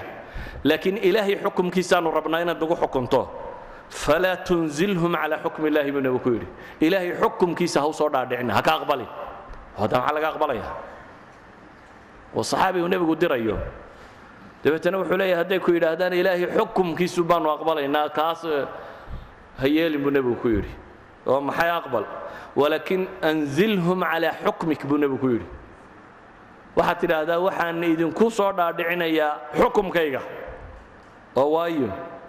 Nebigu wuxuu yidhi fainaka laa tadri atusiibu xukma allahi am laa. Adigu garan maysid inaad haleeli doonto. Ilaahay xukumkiisa inaad kuwan ku haleeli doonto iyo inaad gafi doontee maxaa loo jeedaa? Adigu bashar baatoo waad ijtihaadi doontaa. Laakiin ijtihaadkaagaasi mia filmia inuu qur'aan iyo sunno waafaqsayay ma hubtid masalada waad ka fatwootay sidii ay kuula muuqatay ijtihaadkaaga. Waa ka layidhi ninka mujtahidka hadduu khata'ana wuxuu leeyahay maxay? Ajar. Hadduu asiibana laba ajar. Laakiin maa la hubaa inuu asiibayo? Mar haddaan la hubin inaad asiibayso ilaahay xukumkiisu mooyaane wax kale kugu qaadi maaya odhanin waxay masaladani tilmaamaysaa. Tanziilu nusuusi cala alwaaqic marka la yimaado waa ijtihaad. Culammadu waxay idhaahdaan waa ijtihaadkii ugu badnaa ee culammadu samayn jirtayba. Waayo nusuustii haatan way soo wada degtoo diintii o dhamme way taalla. Laakiin in practically loo dabaqo waa masale ijtihaadiya. Tan maxaan uga jeedaa markaa islaamnimada ruufka saaran ee miisaska agtiinna qur'aanka yaalla in nolosha lagu dabaqaa waa muxaawala ijtihaadiya bashariya qad tusiib waqad tukhti. Waa isku day bini aadam oo uu rabo qofka muslimkii inuu isku dayo kitaabka qur'aana inuu waafajiyo nolosha caadiga ah. Inaad asiibtaana waa suurtagal inaad maxay? Gaftaana waa suurtagal. Jawaanib tiro badan oo qusuur iyo jahl iyo khataba qofka bini aadamka ku sugan. Saxaabadu iyagu waxay kaga gedisnaayeen. Waxaynu leenahay wax walba iyagoo practical loo soo tarengareeyey oo iskuul saddex iyo labaatan sannadood haddiiba eraygaasi uu sax noqdo. Saddex iyo labaatan sannadood wax la barayey ayuu nebigu ka tegey. Wuxuu ka tegey calayhi salaatu wasalaam iyagoo qaada ah. Wuxuu ka tegey iyagoo ah jiil loogu talagalay inay tusaale u noqdaan ummadda muslimiinta ee dambe o dhan. Duul camalkooda lagu daydo inay noqdaan. Innaguse laba dhib baa markaa innagayna wada haysta. Kowka koowaad ee islaamiyiinta maanta nool haysata waxaa ka mid ah. Runta marka la ysu sheego aqoontoo yar qilat weliba alcilmi sharci. War xamaas iyo surwaalkoo la gaabsada iyo garhkoo lala baxo qur'aanku wuu ka tira badan yahiiyo xadiidka nebigu calayh salaatu wasalaam iyo islaamka fahmigiisu. Nacam waa sunnaday ka mid yihiin kuwa kani. Soo jeed tiro badan dadku wuu hayaa laakiin inteebaa rusukh filcilmi yuu jiraa inteebaa rusukh filcilmi yuu jiraa ama waxaan odhan karaa cadam istaycaabi anadariyaat alcilmiya nadariyaadkii cilmigaa lama istaycaabin si fiican loogama dhergin. Ee ragga badh markay urteedu si fiican u soo urtay unbaabay carareen. Intaanu cabbinba waa ursaday uun. Kadibna wuxuu uhi waan dabaqay maxaad dabaqdaa? Mabaad ursane mabaad liqine. Waxaa ka horraysa in sharciga si fiican loo fahmo in kitaab iyo sunno si fiican loo xambaaro walidalik baan leenahay saxwada maanta islaamiga ee caamkee jirta waxa ku yar mubdiciinta iyo mujtahidiinta iyo mufakiriinta way ku yaryihin dadka raasukhay way yaryiin walidalik gafkooda uu tiro badanaya. Cid kastoo aan raasikhina rabta haddana inay wax dabaqdo. Waxaad naftaada ku dabaqaysaa ama kuf ama ku jirtaa. Marka adaga taadatay. Laakiin markaad bulsho weynta u baxdo waxaad ku dabaqaysaa. Rusukh cilmiya buu u baahan yahay. Boodbood iyo dhallinyaronimo uma baahna. Iyo xamaasad iyo qur'aankay ku taalla qura uma baahna. Waxay u baahan tahay maxay? Rusukh cilmiya. Idan waxaynu leenahay teen waa saxwa caama masaa'ilkii nusuusta ku badnaydna waa laga yaabaa saxeennu inuu ku bato. Masaa'ilka caqiidiga nowcun ma in in badan la saxo bidcada in badan laga durko iyadoo weli laga yaabo in hareeraha wax iska marmarayaan masaa'ilka cibaadaadka in in dooro la saxo laakiin marka ay tagto masaa'ilka bulshadu ay wadaagtee u baahnaa ijtihaadaadku wuu yaryi kow marka waxaan leeyahy islaamiyiinta maanta waxa haysta kow qilat alcilm labana waa maxay? Qilat alkhibra. Maanta haddaad jaamacadda dictora ka soo qaadatid handasa micmaariya sida wax loo dhiso oo dictora oo dabeetana meel bayadaan lagu geen lagu yidhaha waxaa lagaa rabaa scrabs inaad dhisto guri siddeetan dabaqa ama boqol dabaqa aad tidhaahdo shahaadadii ugu dambaysaan sitaa dunida laga qaato waa tan. Hadda weligaaba laba jaajuurays maad saarin. Tiyarigumaad digan jirtay. Waxaad joogta un kalaaskii jaamacaddumaad fadhiday. Intee laga rajo qabaa? Adigoo tiyarigii oo dhan sida oo kaa maqnayn. Intee laga rajo qabaa inaad sky dhisto waxa isweydiinta len waxaa noqonaysaa. Nooca haddaynu ku bilowno wuxuunbaa la isweydiinayaa. Mid ay shan dabaq kaga dunto markuu marinayo mid labaatan kaga dunto mid soddon kaga dunto. Idan dadkaynu dilaynaa unbaa kala badanaya ninba intuu dee shaqaalaha saaran meesha intay ku dumayso ayuunbaa kala badanaya de ilaan aqoontaad waddaa. Ma aha aqoon practicala ma aha aqoon. Maanta aynu labadan shayba markaa way yaryihin kow marka koowaad cilmiyan looma istaycaabin wixii loo baahnaa in la istaycaabo. Aqoon ahaan looma sido. Laba tajaaribi ma jirto. Islaamka waa horaa laga saaray meesha. Hadda tajaarub noloshan casrigee dambe ahi way yartay. Ka kale ku jiree dhibta taagani waxa weeyaan waagii hore dunidu way kala fogayd waanay kala xidhnayd. Waxaaga xataa haddaad meel iskaga tijaabsanayso meel yaroo iska gaara bay ahayd oo adiga kuu gaara maanta dunida waa laysku xidhay. Waxay noqotay tuulo yaroo qudha qaraarka maanta cidi ay meel yar ka gaadho ayaa wuxuu raadaynayaa dunida inteeda kale oo dhan. Yacni waxay yidhahdaan siyaasadda maantu dhacdo kastoo siyaasigii bay yidhaahdaan. Waxay leedahay manduur maxalliya mid iqliimiya iyo mid caalamiya. Bulshada yar ay ka dhex dhacday waxa ay ku hayso iqliimka ama gobolka raadka ku yeelanayso dunida dhammaanteed raadka ay ku yeelanayso iyadoo aan laba daraasaynin oo la garanaynin in tijaabooyin la bilaabaa ilama qumana. Maanta waxaan odhan karnaa qofka. Mid waa nadariyaadkii cilmiga ee kitaabka iyo sunnada ahaa midna waa waaqicii la noolaa ee lagu dabaqayay. Waaqaca kani faham buu u baahan yahay aragtidiisa siyaasiga dhaqaaleed ijtimaaceed. Waayo adigoo aan tasawur saxiixa ka haysanin masaa'ilka. Uma helaysid fataawi iyo waxaad ku dabaqdo toona. Haddaanad masaa'ilka si fiican u garanaynin. Walidaalik ayaa waxay tilmaamaan maanta masaa'il agtiinna basiidka ah. Ayaa caalamulislaami waxaa culamo joogtaa intay isugu yimaada bay lix sannadood fadhiyeen. Bal fiisa kaadhku intuu idinla leegi baalkan yare sidaa un loo mariyo ee lacagta meelaha bangiyada lagala baxo. Mujamaca aqaafiga islaami mujamaca majmac ilcilmi. Munadama mutamar alcaalam islamiga ka raabita baa la keenay. Iyadoo fataawi laga weydiinayo culammadu majmacaasi wuxuu caado u leeyahay wuxuu leeyahay khubaro aqoonta kasta ee markaa la rabo in fataawi laga bixiyo looga yeedho. Khubaraa loo yeedhay iqhtisaadiyiina waxa la yidhi bahalkan iyo rasmiyaadkiisa ka warrama wax badan bay sharxeen. Niman culamaa baa loo diro buxuud ka soo qora layidhi buxuud culammadu soo qorta waxaa loo qaybiyaa. Nin sheekh kastoo caalami isagoo jooga gurigiisi iyo maktabadiisi iyo meeshiisiibuu baxsigu u tagaa. Commentski iyo wixii uu rabo inuu calaamadiyo dib u calaamadiyaa. Dabeetana waa la isugu yimaadaa haddana dib dib baa laga niqaashaa. Lix sannadood baa laba sannadoodoo kasta dib loogu soo noqonayay oo la niqaashayay. Yani waa mas'ale agtaada basiidka ah. Maxaad u malaynaysaa nolol dhan waan mujtahidba wadan. Iyo mid kitaabka eega toona. Waxay u baahan tahay wax tiro badan leh.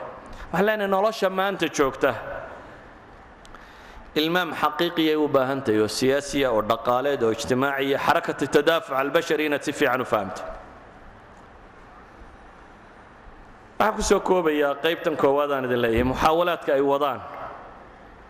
Dadka islaamiyiinta maanta dunida ku noole ama jamaacadka islaamiga waa ijtihaadaad bashariya kow islaamkuna ma aha waxa saaran miisaanka ee inuu qaldan yahay inuu saxan yahay la eegayayo waxa weeyaan raggan sitee maanta xambaarsan rag baa hore u tijaabiyo waa la hubaa kaa laakiin qoladan maanta sidataa inay tijaabadeeda sax tahay iyo inaanay sax ahayn weeyaan waxa meesha yaalla tijaabadaasi inay sax tahayna waxay ku xidhantuu labadaa shay oo ah intay cilmiga raasukhday shareecada ah iyo intay waaqaca nooshay qiimayn karto. Ee qiimayn cilmiya ay qiimayn karto. Qiimayntu maaha raadioyada iyo tiifiyadan soo dhegaysanno dabeetana arrimuhu saasay u socdaane xaggan wada. Waa qiimayn cilmiyaan rabnaa. Qiimayn cilmiya oo si cilmiya loo daraasayn karo.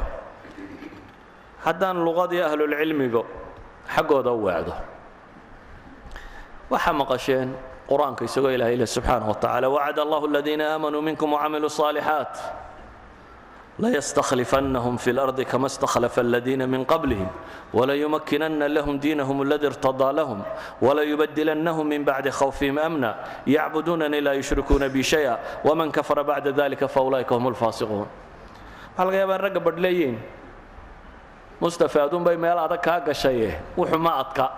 Haye waa fududoo ilaahay baa qur'aanka wuxuu ku yidhi wacad allaahu ilaahay wacdigiisuna waa waa mid la huba in la helayo. Ilaahay wuxuu yaboohay aladiina aamanuu minkum wacamiluu saalixa labada shay unbaabana laga rabaa waxaan kale aad sheegaysaa waa maxay?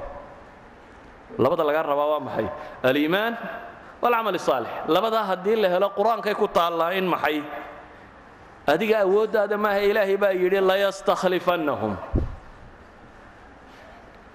Sax weeyaan. Kow aamanuu wacamiluu saalixaati in konton jeer ka badan bay qur'aanku ku soo aroortay waxaan filayaa labada lafdo isku xiga konton iyo laba jeer inay qur'aan ku soo arooreen. Iyagoo kala baxsan ama mufrada ama kuwaas inay ka sii tiro badan yihiin. Su'aashaan idin weydiinaya waxay tahay aamanuu idin gartay. Goormuu camalku saalix noqdaa wadaadad baa wada yaqaanin soo maaha? Laba shartun haddii laga helaa odhan doontaan ama laba rukniyun alikhlaas iyo almutaabaca. Soocaynkaa ma aha in daacadnima jirto iyo inay jirto maxay? Mutaabaca inuu leeyahay. Oo nebiga calayhi salaatu wasalaam hadyigiisii waafaqsanye waan gartay. Haddaba camalka saalixa midi waa bayin. Ijtihaadaadna uma baahna.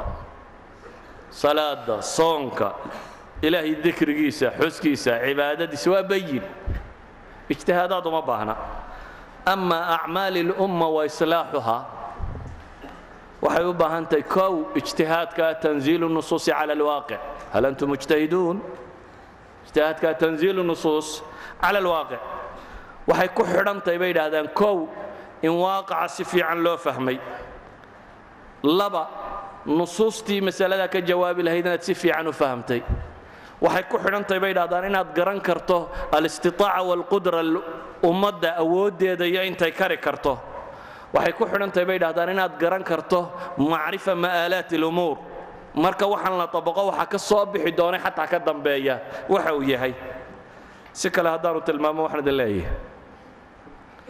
Acmaasha fardigaa inteeda badan aamanu wacamilu saalixaadkeeda waa kula gartay. Waana fududday qof walbana waa waxa laga rabo. Qof walbana waa ka aakhiro la weydiinayo. Walidalik baa aakhiro jamac laynagu keeni maayo qof qof baa laynoo keenaya qof walbana tiisaa laga xisaabinaya ama acmaali lumma iyo isilaaxi lumma markay noqoto mutaabaca inay hesho oo ay noqoto tii nebi maxamed mid waafaqsani waxay u baahan tahay in qadaayaadka siyaasiga iqhtisaadiga iyo ijtimaaciga intaad si fiican u fahamtay nusuustii waafaqsanaydna aad si fiican u fahamtay ummadda aad rabo aad rabto inaad ku dhaqdana awooddeeda iyo istitaacadeeda inaad fahamtay inaad markaa isa saartaabay u baahan tahay hal antum ma tihiin markaa kuwii taa samayn kari lahaa. Si kale haddaanu tilmaamo. Tusaalaan idin siinaya maalan diintu way soo wada degto way wada taallaa yacnii qur'aanka iyo xadiidku way dhammaystiran yihiin iyagoo maxfuuda soodii inoogu yaalleen haddii qofka bini aadamkaa diinta waxaa korkiisa saaran intuu awoodo. Socaynkaa maaha. Ummaddana waxaa korkeeda saaran intay awoodo. Maalan arkaanta salaadu cidina ma nasakhi karto cidina wax kama bedeli karto waa macruuf soo maaha. Maxaa ka mid ah? Sarajooggaa ka mid ah in sarajoog lagu tukado. Laakiin markaynu waaqaca daraasayno kumaa sarajoogga ku tukada. Almustaiic ka awoodaa ku tukada. Nin buka haddaad u timaadoo tidhaahdo jiifa arkaanta salaaday ku jirtaa in la istaago adeer istaag haddaad doonayso inaad tukato. Maxaa soo baxaya. Nabigu calayh salaatu wasalaam wuxuu yidhi salli qaa'iman fain lam tastatic maxaa la yidhi? Fasalli qaacidan qaacidanku maxay ku xidhan tahay inaad qofkan qudradiisa iyo istiaacadiisa inaad eegto? Sida qofku uu qudra iyo istiaaca u leeyahay ayay ummaddu qudra iyo istiaaca u leedahay. Ummaddu waxaanay xambaari karin haddaad tidhahdo ha xambaarto iyadaan weli u bislaanoo gaadhin. Waa intixaar siyaasiya waa ummadaad rabto inaad gowracdo oo ay dunto. Haddaanad waaqaca si wanaagsan u daraasaynin maalan ilaahay subxaana wa tacaala qur'aanka wuxuu inooga warramayaa laba nebi oo israacay cala araajix khadar iyo muuse. Khadar afcaal buu sameeyey. Afcaashaa uu samaynaya muuse waa wada inkirayey amran iyo nukran iyo wuxuu ku tilmaamaya inaan wax la qaadan kara aanay ahayn. Kadib heshiiskii markii uu dhammaaday ayuu khidr sharxay wixii uu waday wuxuu sheegay ama safiinatu. Tusaale ahaan ama safiinatu. Fakaanat limasaakiina yacmaluuna fi lbaxri faaratu anaciibaha wa kaana waraa'ahum maliku ya'hudu kula safiinatin hasba war doonta buu yidhi waxaa lahaa dad masaakiinoo badda kaga xoogsada. Meeshanna waxaa ka dambeeyo xaggaa ay ku sii socdaan jooga nin boqora oo daalima oo doon qurux badan hadduu arko dadka ka qaada markaa masaakiintan baan u danaynayay si aan doontooda looga qaadin ayaan looxa ka saaray. Si uu boqorku yidhaha taas waa midda looshahay keenin oo kuwa la qaadayaanay ugu biirin. Kow daahirku muuse joogay waxay ahayd niman bilaash ku soo qaado sida xadiidkii bukhaari sheegayay nooli kamuu qaadanin qolada doomtu way soo qaadeen. Niman bilaash ku soo qaaday in doontooda la dololay mulkul khayr inaad ku tasarrufta laa yajuus muuse wuxuu taagnaa war nimankan doontooda maxaad u daloolinaysaa waana sidii caadiga ahayd marka aanu ogayn waaqaca kan markii muuse loo sharxay dhibta jirtaa waxay tahay doontan loo dalooliyey. Oo masaakiinta iyamaa u faa'iido badan. Doon hal loox ka maqanta inay iska wataan iyo in doontaba laga qaado horta. Waxa faa'iido badan doon hal loox ka maqantay de inay iska wataan halkii doontao dhan laga qaadi lahaa. Muuse markii loo sheegay ma murmay. Qur'aanku muran dambe muuse leeya ma sheegin dadminis markii uu waaqac ogaaday siduu yahay ayuu aqbalay. In mulkul khayr tasarrufka caynkan ee ma'aalkiisuu yahay inay doontani nabad gasho in la aqbali karo. Mushkilaadka yowmiga ah waxyaabo badan ba haddaanad guntooda ogeyn aan la garanayn si loo fasiri karo. Walidalika maala nebigu calayhi salaatu wasalaam xadiidkii abu hurayra ee bukhaari ku yaallay. Nin baa u yimi qaylinaya wuxuu yidhi ilahay rasuulkiisiiyo waan halaagsamay halagtu waa halagtu kii lahaa isrifayay ramadaanka u yimi. Oo maxaa dhacay buu nebigu ku yidhi walima. Wuxuu yidhi haweenkaygii baan gabadhaydii baan u galmooday maalin ramadaan buu islaantiisii iska fuulay waana saxaabi. Markuu nebiga u yimi calayhi salaatu wasalaam nebigu wuxuu ku yidhi raqabad xore. Wuxuu yidhi ma haysto. Waxaa lagu yidhi laba bilood oo isku xiga haddaba soon wuxuu yidhi ma karo. Maalin baaban adkaysan kari waayo ma laba isku xiga baan sugi karaya. Ma awoodo. Wuxuu nebigu yidhi calayhi salaatu wasalaam haddaba lixdan miskiin quudi. Markaasuu yidhi ma haysto. Wixiiba wuxuu iska soo taagay. Midnaba inaanu haysanin. Dabeetana meeshuu iska fadhiista nebiga calayhi salaatu wasalaam markii dambe loo keenay xoolaa la keenay dabeetana wuxuu yidhi war ninkii mee? Waa kan? Oo isa soo taagay wuxuu nebigu yidhi calayhi salaatu wasalaam war qaado. Timirtaa qaado. Bixi. Iska lixdankii miskiin iska sii dayaad kafaaraha kuu noqotee. Dabeetana haddana war kaluu keeno wuxuu idhi wahal bayna laabatayha man huwa afqaru minni? Oo madiina ilaahay rasuulkiisiiyo ma wax aniga iga liitaa degan adigu cunoo qaada buu nebigu ku yidhi. Ninkii dembiga galaa timir loogu daray. Yacni sharcigu kaasuu keenaya hadday duruuftu xad kaa gaadhsiisan tahay ninkii dembiga galay ayuu nebi maxamed timir ugu daray oo la yidhi mar haddaan laba haynin calayhi salaatu wasalaam. Wax kaa liitaana haddaanu magaaladaba joogin adigu qaado. Yacni waxaan uga jeedaa waxaynu u baahannay laba shay oo ah inaynu islaamnimada raasikhiin ku noqonno istaycaabno ahlu cilmi rasmiya inay dadku noqdaan. Iyo dhacdooyinka dunida ka jira inaynu fiqi u yeelanno si fiicanna u fahmi karno garan karnana markaynu iyada si fiican u fahmno ayaynu garan karnaa shareecada maxaa ka qaabilsan? Haddaba haddii aynu rabno inaynu makhraj hello. Dhibta jirta in meel looga baxa la helo waxaan leeyahay dhowr shayba waa inaynu hellaa shayga koowaad waa in la helaa qiyaada calaa mustawa alumma aw calaa mustawa alcaalam. Hoggaan ummadeed oo ummad ama duni hoggaamin kara. Hoggaan waa in la helaa. Hoggaanku waa inuu yeeshaa sifaadkii qiyaadiga ahaa lagu yaqaanay qof qaa'ida haliyay ummadeed qof noqon karaya. Qur'aanka nebi yuusuf markii uu la yidhi waxbaa lagu dhibay innaka alyawma ladayna makiinun amiin markii la yidhi wuxuu sheegay in loo dhiibo meel. Dabeetana wuxuu sheegtay innii xafiidun caliim.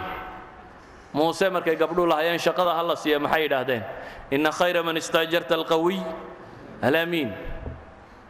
Qofku inuu aqoonna leeyay ammaanana leeyay baa muhima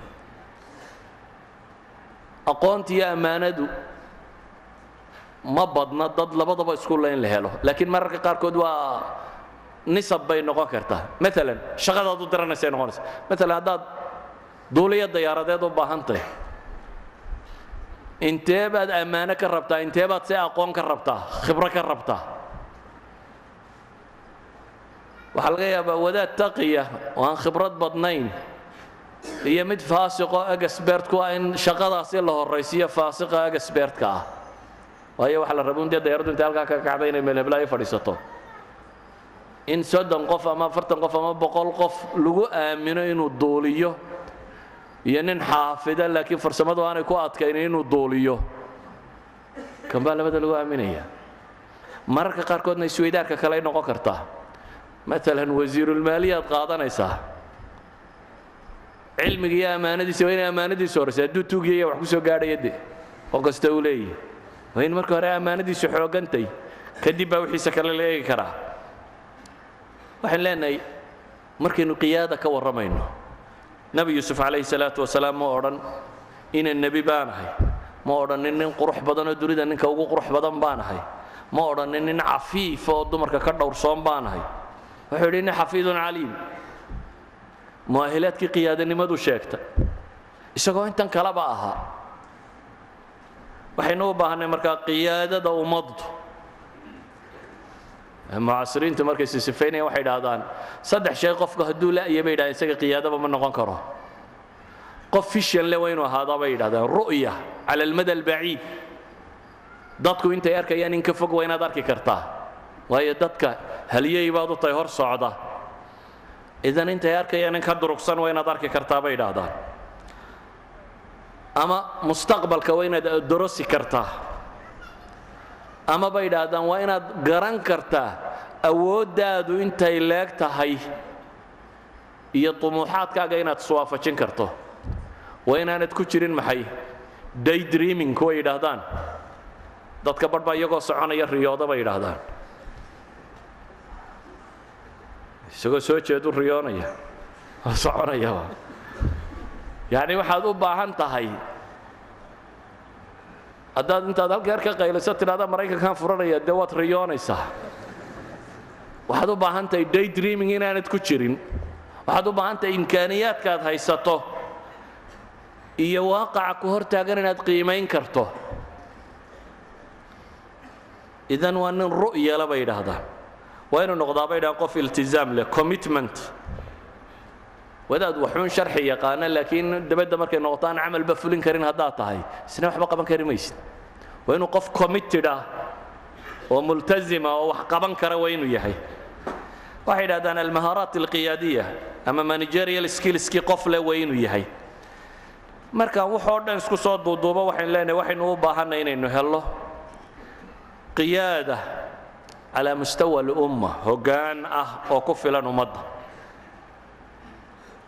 Hoggaan baynu leenahay baynu u baahannay garan kara lucabka siyaasiga ee maanta la cayaaro. Lucabka siyaasiga muxuu ku falayaa waxaa laga yaaba inaad tidhaahdo war qur'aan iyo sunna ninka looga baahanya maxaa looga baahanyay waxaa looga baahan yahay dadkaad kubadda la dheelayso ninka kubad tiim wataa. Garoonka intaanu gelin wuxuu daraaseeyaa qolada ay wada cayaari doonaan meelahay xoogga u leeyahay tiimkaas iyo niqaati dacafkiisa iyo wixiisa. Askariga dagaalgelaya dagaalgelintiisa waxa ugu fiican inuu war ka hayo ciidanku la dagaalamaya waxay tahay. Si uu isku dayi karo inuu muxaayid uga dhigi karo. Maalan ciidan baa dagaal gelinaysaa markaasuu wuxuu wataa isagu dabaabado. Inta dabaabado ma haysatid waxay dhahdaan caqliyaadka ugu fiican waxa weeyaan sidee baad u dagaal gelin kartaa iyadoo dabaabadiisu ay wax tarbeeshay maala waxay dhaha buuraley marka laysla galo dabaabadi ma korto. Dan waad suuqaad ka saartay suuqii dabaabaduu markaa ma yaallo. Waa dagaal baa la galay aan dabaabadii ku jirin. Haddaad laakiin bannaanka isula soo baxdaan dee waad maranaysaa idan waxay dhahdaan qofku dagaalka cidda uu la gelayo siyaasadda waa dagaal dhaqaalo waa dagaal laba shirkadood baa loolamaya. Waa inaad taqaanaa shirkadaad la loolamayso istiraatiijiyaadkeediiyo si u fakerayso markaas baad geli kartaa. Loola baaca noloshoo dhamme waa nooca kan marka. Haddaad noqoto waxay dhahdaan siyaasadda. Laba tusaale waa garanaysaan baan idin siinaya. Lucbatu shatranj bay yidhaahdaan iyo lucbatu nerd. Waa laba cayaarood oo la cayaaro. Waxaa jira nin gaaleed oo dagaalkii labaad ee dunida ka horba wuxuu soo saaray. Nin xisaabiyahana buu ahaa. Wax loo yaqaano game theory oo ah sida loo xisaabiyo cayaaraha la cayaaro. Game theorygii baa waagii dambe qadiyad cilmiya laga dhigay oo dhaqaalaha gashay oo militariga gashay oo iqtisaadka gashay oo ka gashay. Dagaalkii labaad ee dunida inta ugu badan bay dhaheen game theorygii uu ninkaa mathematiciankii lahaa baa lagu galay. Waa maxay waxa kani laba cayaarood baan idiin sharxaya. Maalan shatranj wax cayaaray ma leedin. Shatranjku waa cayaartan jaska la yidhaahdo. Soomaalidu jar bay cayaartaa ama shax. Shaxda ma cayaarteen shaxdan odayada soomaalidu cayaarto qofka shaxda cayaaraya ama shatranjka cayaaraya inta aanu tallaabo guurin cayaarta markuu eego wuxuu idhahdaa kaa haddaad guurto muxuu soo guuraya isagu dabeetana wuxuu odhanayaa kaa wuu guuri kara kaa wuu guuri kara haa kaa hadduu guuro maxaad samaynaysaa. Xaggaasaad ninka guuraysaa. Kaa kale hadduu guurana xaggaad ka guur waxaad xisaabinaysaa inta tallaabo ee ninkan u suurtagala inuu guuro waa inaad jawaabteedii garanaysaa. Mid walba sidaad uga jawaabi lahayd. Odayga shaxda cayaaraya intaasuu eegaa markuu cabbaar u fiirsado. Shatranjka ninka cayaaraya intuu saa u eegaba wuxuu idhaahdaa istabka shanaad baan ku qabanayaa buu leeyahy boqorkaagu u dhintay istabka shanaad hoosuu u dhintay. Wuxuu xisaabinayaa inta ee aad haysatay inaad guurto iyo guuris kastoo aad guurto inuu jawaabteeda garanayo jawaabtaa ka ka dambaysa uu garanayo. Deetana wuxuu ku leeyahy shan goor markaynu guurno boqorkaagu dhintay wuxuu sii xisaabiyey intaasoo jeer sida loo guurayo. Marka waxay idhahdaan labada nina shaxda wada cayaaraya ama shatranjka wada cayaaraya kollayba horta mid baa badinaya soocaynkaa ma aha laakiin waxa lagaa badiyey mar aad cayaarta wixii awooddaada ah oo dhan aad isticmaasho aad fakertay oo ku tala gashay wax kasta inaad ka jawaabi karto. Waxay idhahdaan laacibka siyaasiga ee dhabka ahi waa kaas bay idhahdaan waa nin garan kara axsaabta siyaasadda waxa layshayo haddaad waxaa guurto maxaa soo baxaya? Waxay idhahdaan cagsiga cayaarta cayaar kalaa u ah. Cayaarta laadhuuda la ydhahdo soo ma taqaaniin? Maxaa la cayaaraa weligaaba isxiiji lix ilaah ka dhigu baad odhanaysaa ma garanaysid wax ka soo baxaya? Baalku ma dhow dhow dhow dhow. Lix. Hal baa laga yaabaa inuu kuu soo baxo? Adigu lix baad raadinaysa ma kantarooshid waxa soo baxaya? Waxay idhahdeen laacibka laadhuugu siyaasi maaha. Haddaad tira aynu ku dhufannu. Wuxuunbay soo bixi mashaahada waa ima nasriya. Meel bay ka bixi doontahay. Waa laacibkii laadhuudaad waayo asalku waa inaad guulaysataa asalku waa kaa nebigu calayhi salaatu wasalaam maalan ghaswatu badar ma odhanin ku kiciya waa shahaada helaysaane wuxuu lahaa ilaahu intani hadday halaagsanto dunida dib laguga caabudi maayo. Shahaadadu may ahayn matlab jamaaci uu leeyahy wada dhinta aakhiraad janno gelaysaane islaam buu rabay inuu wado inay wada ma rabin. Sadraaddeed inuu guulaystaaba ayuu ahaa waxa koowaad ee optionka u yaalla. Laakiin meel dagaal ka dhacay kollayba waa la dhimanaya waa in dad shahaado helaan haddaad dadkao dhan u qoondayso ka warran inay shahaadada helaan. Tiraa ku kiciya. Aakhiraad janno wada gelaysaane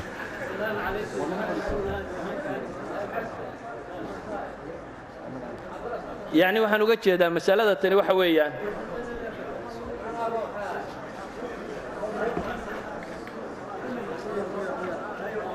Waxaan jeclay inaa idinkuna aamustaan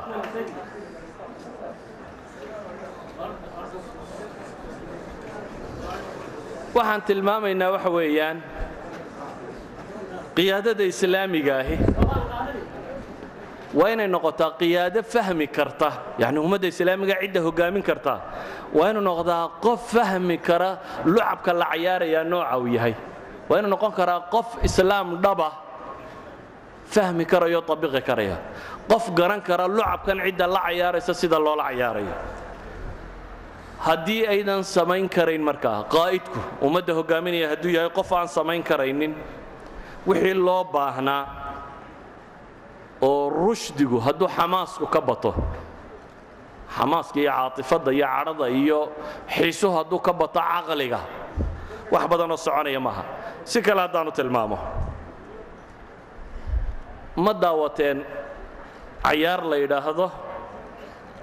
Musaaracatu hiiraan cayaarta ay caanka ku yihiin nimanka loo yaqaano isbaanishku isbanyoolku dibi la daawado oo meel oo nin maro yaroo cas taago. Oo dibiga intaa warma lagu mudmudu xanaaqaad. Dabeetana ninka jiidh buu is idhaahdaa maro yaroo cas buu taagaa maraduu jiidhaa. Waxay idhahdaan qaa'idka aan ahayn qaa'id siyaasiyo muxanaki wuxuu la mid yahay dibigaa marada cas loo taago. Waxa aan ku ahayn wixii imbortanku hadduu waxaad ku diriraysaa un waxaad la mid tahay ninkan marada cas loo taagayo. Dibigu marka laga cadhaysiiyo ninka dil buu is odhanayaa laakiin marka marada cas loo taago iyadunbuu arkaa. Saa daraaddeed marada cas buu cararaya. Markuu marada cas mar jiraba waran baa la geliyaa markaa. Dabeetana wuu soo wareegaa wuu soo cararaa xagga kalu marada cas u gudbiyaa taasuu jiidhaa waran kalu geliyaa cayaarta la daawanaya waxa weeyaan ninkana cayaartooyga ee meesha taagani dibigaa inta laga dilayay dadku daawanayaanoo waada lahayaa markuu waran la geliyaba. Musaaracatu hiiraan waxaa cayaaraya qofka ku jira dagaallo haamashiyo aan ahayn wixii ummaddu ay u baahnayd. Waxaan loo baahnayn haddaad ku jirto. Waxaad la mid tahay quwa la dadka kaa xoogga badan le cadowgii wuxuu jecel yahay intaanad xoogaysan in lagu buquujiyo si taasi ay u dhici karta waxa weeyaan in saaxada lagu soo saaraa fiican intaanad naf badan yeelanin. Dabeetana waa inaad noqotaa dibigaa kolba laga cadhaysiinaya warranka madax laga gelinayo ee bahasha casriixaya markaan soo qodobka koowaad aan tilmaamaya waxa weeyaan qiyaada calaa mustawa alumma waynu noqdaa. Waa ynu noqdaa qiyaadadaasi mid laacib siyaasiya noqon karo dhaba.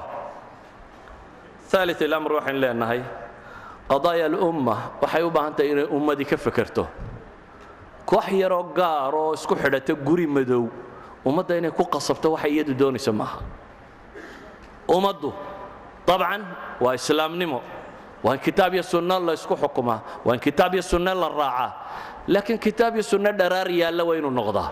Waa inuu noqdaa kitaab iyo sunne ummaddu ay ka tashan karto maadaama ay umma islaamiya umamka sidoodaba kama maarmaan waxa loo yaqaano wada tashiga. Nebi maxamed goorta ilaahay farayo inuu saxaabadiisa la tashada waa goorma calayhi salaatu wasalaam. Waa goor talooyinkooda qaarkood laga yaabo wixii ka ratibmay inuu jab ahaa ghaswatu uxud maalan nebiga calayhi salaatu wasalaam taladiisii waxay u badnayd in magaalada la joogo oo difaaca laga galo. Laakiin qolo dhallinyaro xamaasadaysan iyo kooxa isugu tegayoo yidhi maxaynu magaalada ka qabanayna dabadda inoo saar dabeetana dabaddii baa loo baxay dagaalkii baa la galay calaa kulli xaal dhib badan baa muslimiinta soo gaadhay. Dhibtaasi markay soo gaadhay kadib baa ilaahay qur'aan soo dejiyey. Qur'aankaa ilaahay wuxuu leeyahy subxaana wa tacaala walow kunta fadan haliida alqalbi lanfaduu min xawlik facfu canhum wastakfir lahum. Haddaad ahaan lahayd baa ilaahay leeyay mid dabeecad adag oo qalbi adag dadku way kaa yaaci lahaayeen. Walow xaqba sheege iska cafi baa ilaahay yidhi oo ilaahay subxaana wa tacaala dembi dhaaf weydii kuwa la leeyay cafi ayaa ilaahay wuxuu leeyay washaawirhum fi lamr iyaga la tasha baa ilahay leeyay waa kuwii dembaabay ama sababihii colku uu ku jabay keenay. Sababihii colku uu ku jabay.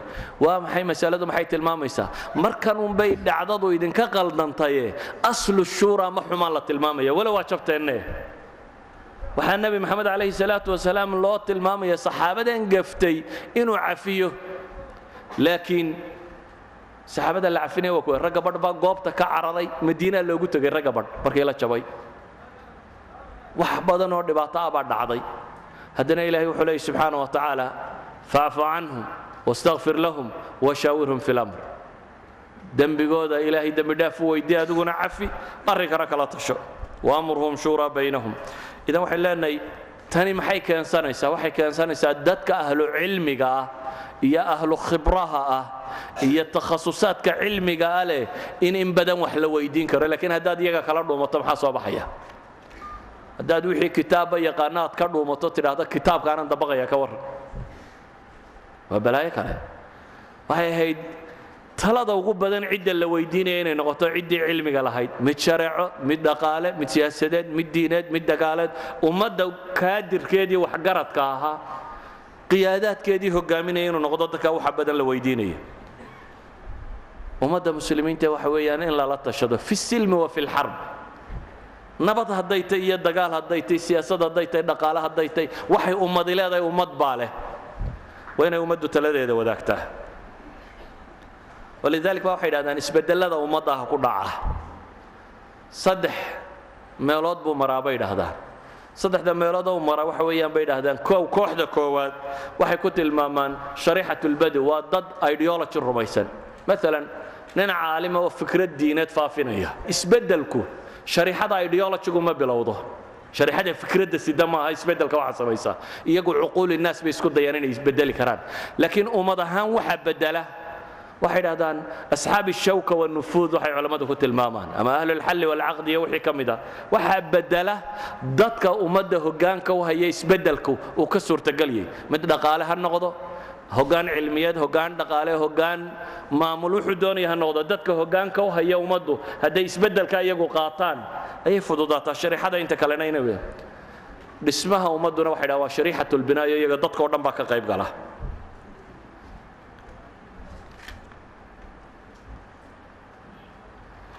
wakhtigaan idinku tiro badiyey laakiin waxaan ku soo koobayaa makhrajku waa wax cad waa waman yataqi illaha yajcal lahu makhraja wayarzuqhu min xayثu laa yaxtasib waa war cad oo ilaahay qur-aan ku sheegay wacd allahu aladiina aamanuu minkum wacamiluu الصaalixaat layastakhlifannahum fi lard laakiin wuxuu u baahan yahay in la gaadhsiiyo camalkaa saalixa ahi inuu ikhlaasna yeesho mutaabacana u yeesho mutaabaco rasmiyana wuxuu yeelan karaa. Marka waaqaca si fiican loo daraaseeyey ee daawadii u cuntantay kitaabkii sunnaa looga keeno ee markaasuu sida saxa noqon karaa. Waxaan ku soo koobayaa markaasi. Ilaahi subxaanaه wa tacaala inaynu in badan barinaba muhima. Deriskaygani waxa gundhig u ah. Isku day kastoo fashila rag baa fashilay ee islaamnimadu ma fashilin. Masaladaasina caqligiinna si fiican ha ahaato. Isku day kasta muxaawaladaa ciddii siday ayaa miscalculation samaysay. Iyagaa siday u xisaabtameen ay qaldanayd. Amaa islaamku kun sannadood buu dunida tan keligii talinayey oo uu hogaaminayay oo hor socday. Wallahu aclam billahi tawfiiq. Asalaamu calaykum allaha min qalbi wa aqsuduhu cala darbi أعدد من فضائله فلا تحصي له كتبي أحب الله